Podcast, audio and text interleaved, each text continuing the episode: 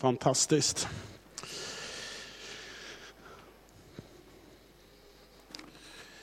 Första gången, ska vi se om, är det bra ljud så eller? Ja. Eh, första gången som jag såg en robotgräsklippare, ska vi se, ni ska få upp en robotgräsklippare här på, på bilden. Det här är en några år gammal modell. Då trodde jag att jag drömde, eller att jag hade hamnat i någon typ av science fiction serieinspelning eller något sånt där. Eh, nu är ju det här var och varannans egendom, men ni minns väl första gången ni såg en sån här? Man tänkte, vad är detta? Den åktes planlöst omkring på den här gräsmattan som den åkte på när jag såg den. Och Det kändes som att det var slumpmässigt. Men gräset var kort, villägaren var nöjd. Och den höll sig innanför en viss, ett visst område. Och det där fattade inte jag. Vad beror det på att den vet när den inte får åka längre och så här? Den kom fram till grusgången och så backar den. Och så kommer den fram till rabatten och så backar den. Ni vet, ni vet ju hur en sån där funkar. Det här är ju inget nytt för er. Men då var det nytt. Och man kände, vad är detta? Det är ju så här, att det som gör att den här håller sig inom vissa gränser, det är att det finns en kabel nedgrävd runt det önskade området. Och så korsar den ju aldrig den där kabeln, för när den kommer i kontakt med den där kabeln, då vet den att stopp, och så backar den. Så tämjer vi den här gräsklipparen och håller den inom det område som jag själv önskar. Det här kallas till och med för begränsningskabel, har jag läst mig till. Då vet ni det också.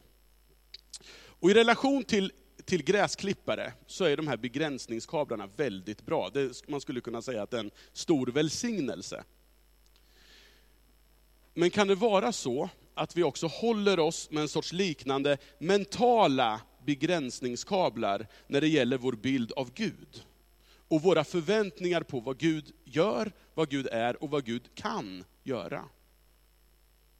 När jag läser adventstexterna i Bibeln, och när jag lyssnar på de här sångerna som vi har lyssnat på nu, så anar jag att temat varnar oss för det. Och vi ska läsa den här 24 salmen som vi nyss hördes sjungas. Och den kommer här på väggen. Psalm 24. Av David, en psalm. Jorden är Herrens med allt den rymmer. Världen och alla som bor i den.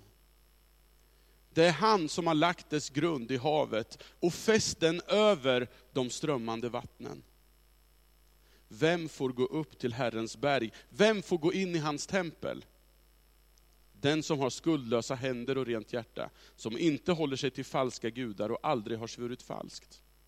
Han får välsignelse av Herren och riklig lön av Gud, sin räddare. Här är det släkte som sökt sig till Herren, som träder fram inför ditt ansikte, du Jakobs Gud. Portar, öppna er vida. Höj er, uråldriga dörrar. Låt ärans konung draga in.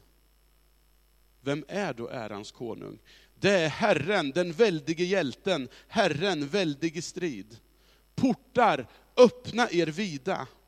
Höj er, uråldriga dörrar. Låt ärans konung draga in. Vem är han, ärans konung? Det är Herren Sebaot. Han är ärans konung. Den här salmen användes ursprungligen under speciella festprocessioner vid Jerusalems tempel. Man gick upp till templet. Templet var ju den plats där man tänkte sig att där bodde Gud.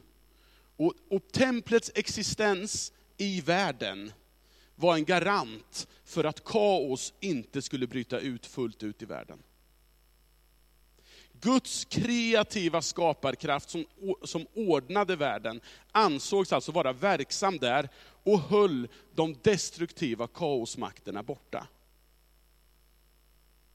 I Gamla Testamentets världsbild så är vattnet tätt förknippat med de här kaosmakterna.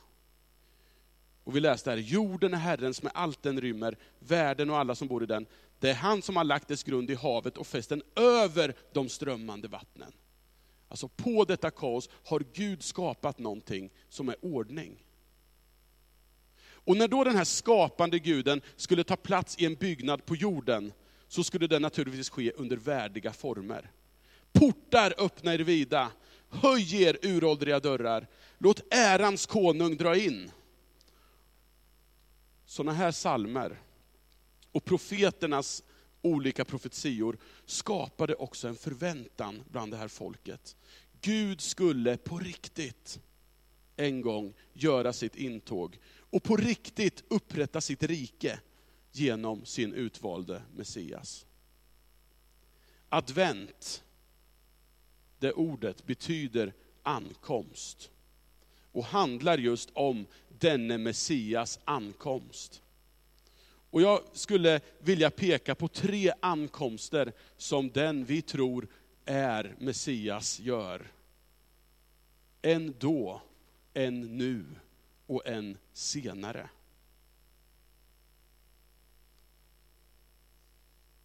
I Matteus 21, som vi hörde läsas i inledningen här, så kan vi ju läsa om när Jesus gör sitt intåg i Jerusalem. När Jesus gjorde det här intåget, då motsvarar han till en början de förväntningar som jag nämnde tidigare, som hade skapats bland folket. Han infriade profeten Sakarias ord om att komma inridande på en åsna. Folket i Jerusalem levde med stor förväntan och längtan efter det här. Så de var ju med på noterna direkt. Aha, här kommer han. Och så ropar de, Hosianna, Davids son, välsignade han! Och så fortsätter Matteus berätta, när han drog in i Jerusalem så blev det stor uppståndelse i hela stan. Och man frågade, vem är han? Och folket svarade, det är profeten Jesus från Nasaret i Galileen. Och den där frågan, vem är han? Den ställ, har ju ställts förut. I psalm 24 ställs ju den här frågan, vem är han? Och där lyder svaret, det är Herren Sebaot, han är ärans konung. Och när då Jesus går direkt till templet, så är det som att han fullbordar psalm 24s processionsordning här. Folket är glada, fyllda av förväntan. Nu var det dags. Nu skulle Gud göra upp med de här kaosmakterna i världen, som i deras fall manifesterades av romarnas förtryck. Och så skulle han upprätta det rike där fred och harmoni skulle råda. Herren den väldige hjälten, Herren den väldige i strid, var här nu, nu var det dags. Men Jesus infriade inte folkets förväntningar. Han var inte på det sättet en ärans konung som de tänkte sig, de läste om i psalm 24, skulle vara. Han var inte den väldiga hjälten, väldig i strid på det sättet. Och eftersom han inte var på just det sättet som folket hade tänkt eller förväntat sig, så drog de slutsatsen att det heller inte kunde vara Guds Messias. Man var så förblindad av sin egen bild av ärans kung, att man inte kände igen honom när han väl kom. Han kom till det som var hans, berättar Johannes, men hans egna tog inte emot honom.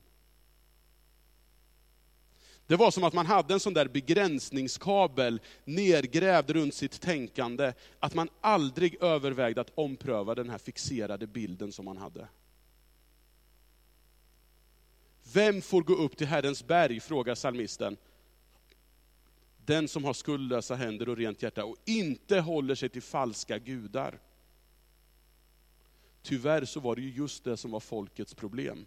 Man hade, trots att man hade de här budorden där man visste att man ska inte göra sig en bild av Gud, så hade man skapat sig en falsk mental bild av vem Gud är. Falska bilder av Gud får ofta lätt just rollen av Gud i ditt och mitt liv. En vecka senare så hade Hosianna-ropen bytts ut. Istället ropar samma människor som förut har ropat Hosianna, ropar korsfäst. Jerusalems portar öppnas på nytt. Inte för att släppa in ärans kung, utan för att dra ut honom till en avrättningsplats utanför staden. Portarna var inte så höga, dörrarna var inte så vida, att Jesus fick rum.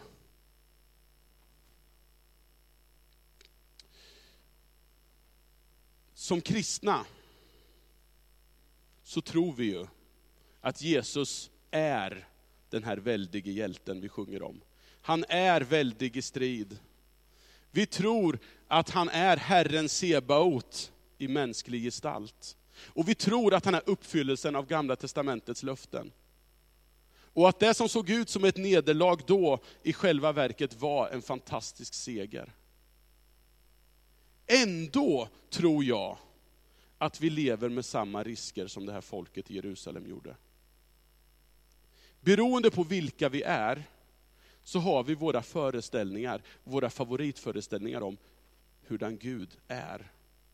Och hurdan, hur Gud handlar, och hur Gud inte handlar. Ett uttryck för den här faran kan ju vara faktiskt alla de här fantastiska sångerna som vi sjunger om Gud. Inte minst så här i adventstid. Vi sjunger ju rakt av samma sånger som skapade judarnas förväntningar då. Vi sjunger med full hals med, i gören portarna höga. Eller vi lyssnar på den och älskar den. Anders Eksmos röst. Wow!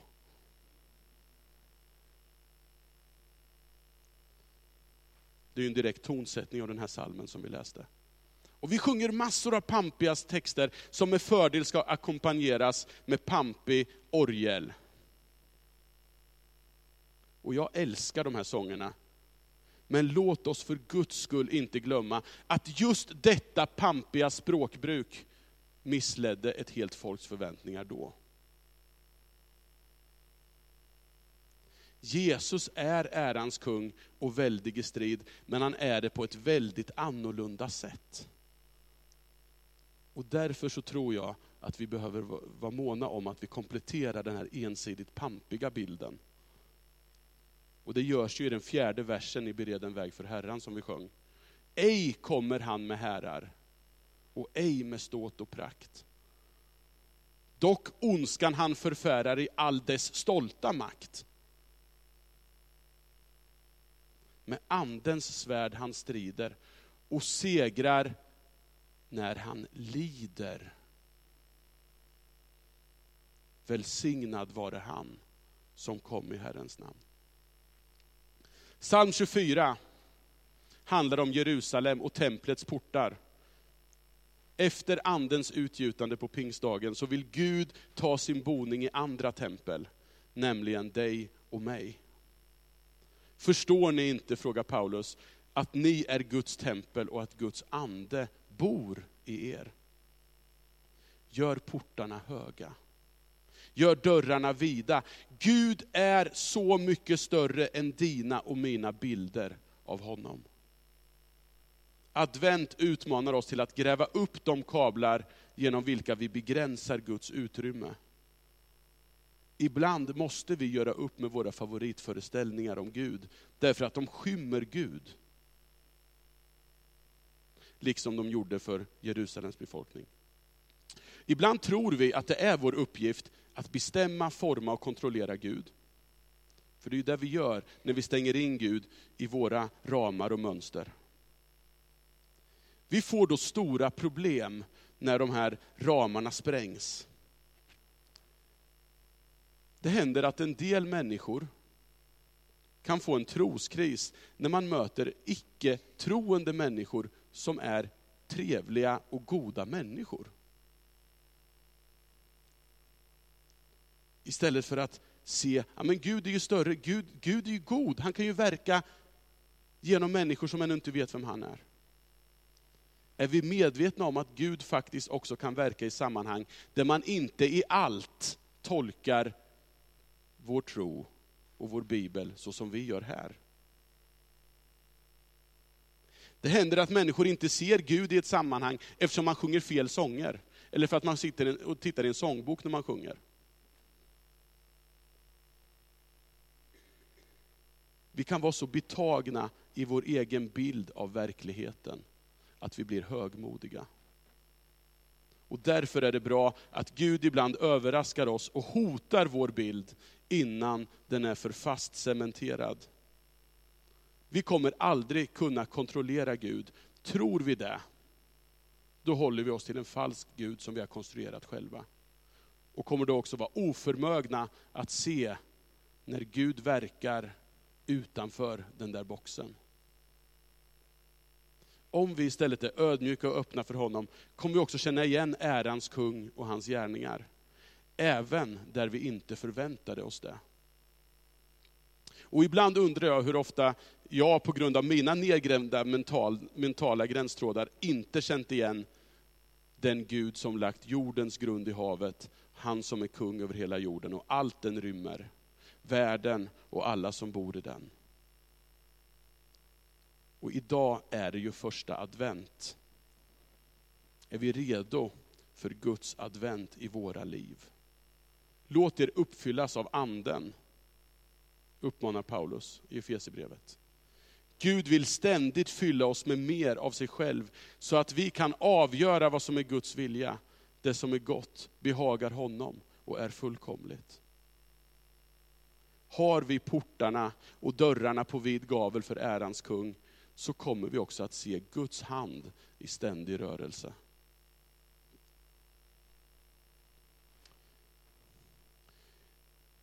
Liksom befolkningen i Jerusalem väntade, så väntar vi också på att ärans kung en gång ska komma igen och fullt ut upprätta sitt rike. En ny ordning. Som kristna så bär vi på ett fantastiskt hopp om att hela skapelsen ska upprättas då Jesus återkommer. Och vi har all anledning att prata om detta hopp, trösta varandra med detta hopp och längta efter infriandet av det hoppet. Men i kyrkans och inte minst frikyrkans historia finns dock många exempel på hur längtan efter det här hoppet skapat mer eller mindre vidlyftiga spekulationer kring när och hur det här ska gå till. Och inte sällan så har de här spekulationerna cementerats i något som gränsar till en rigid visshet om att så här kommer det gå till. Med adventstexterna i minnet så tror jag dock att vi gör rätt i att vara försiktiga med att vara alltför färdiga i våra uppfattningar kring det. Om vi ska känna igen Jesus då, och inte förvisa honom ut ur våra liv och våra sammanhang, så behöver vi vara öppna. Låt oss lära oss av det negativa exemplet som Jerusalems befolkning ger oss. Vi måste hålla hoppet om denna framtid. Guds rike, alltings återupprättelse. Vi måste hålla det vid liv.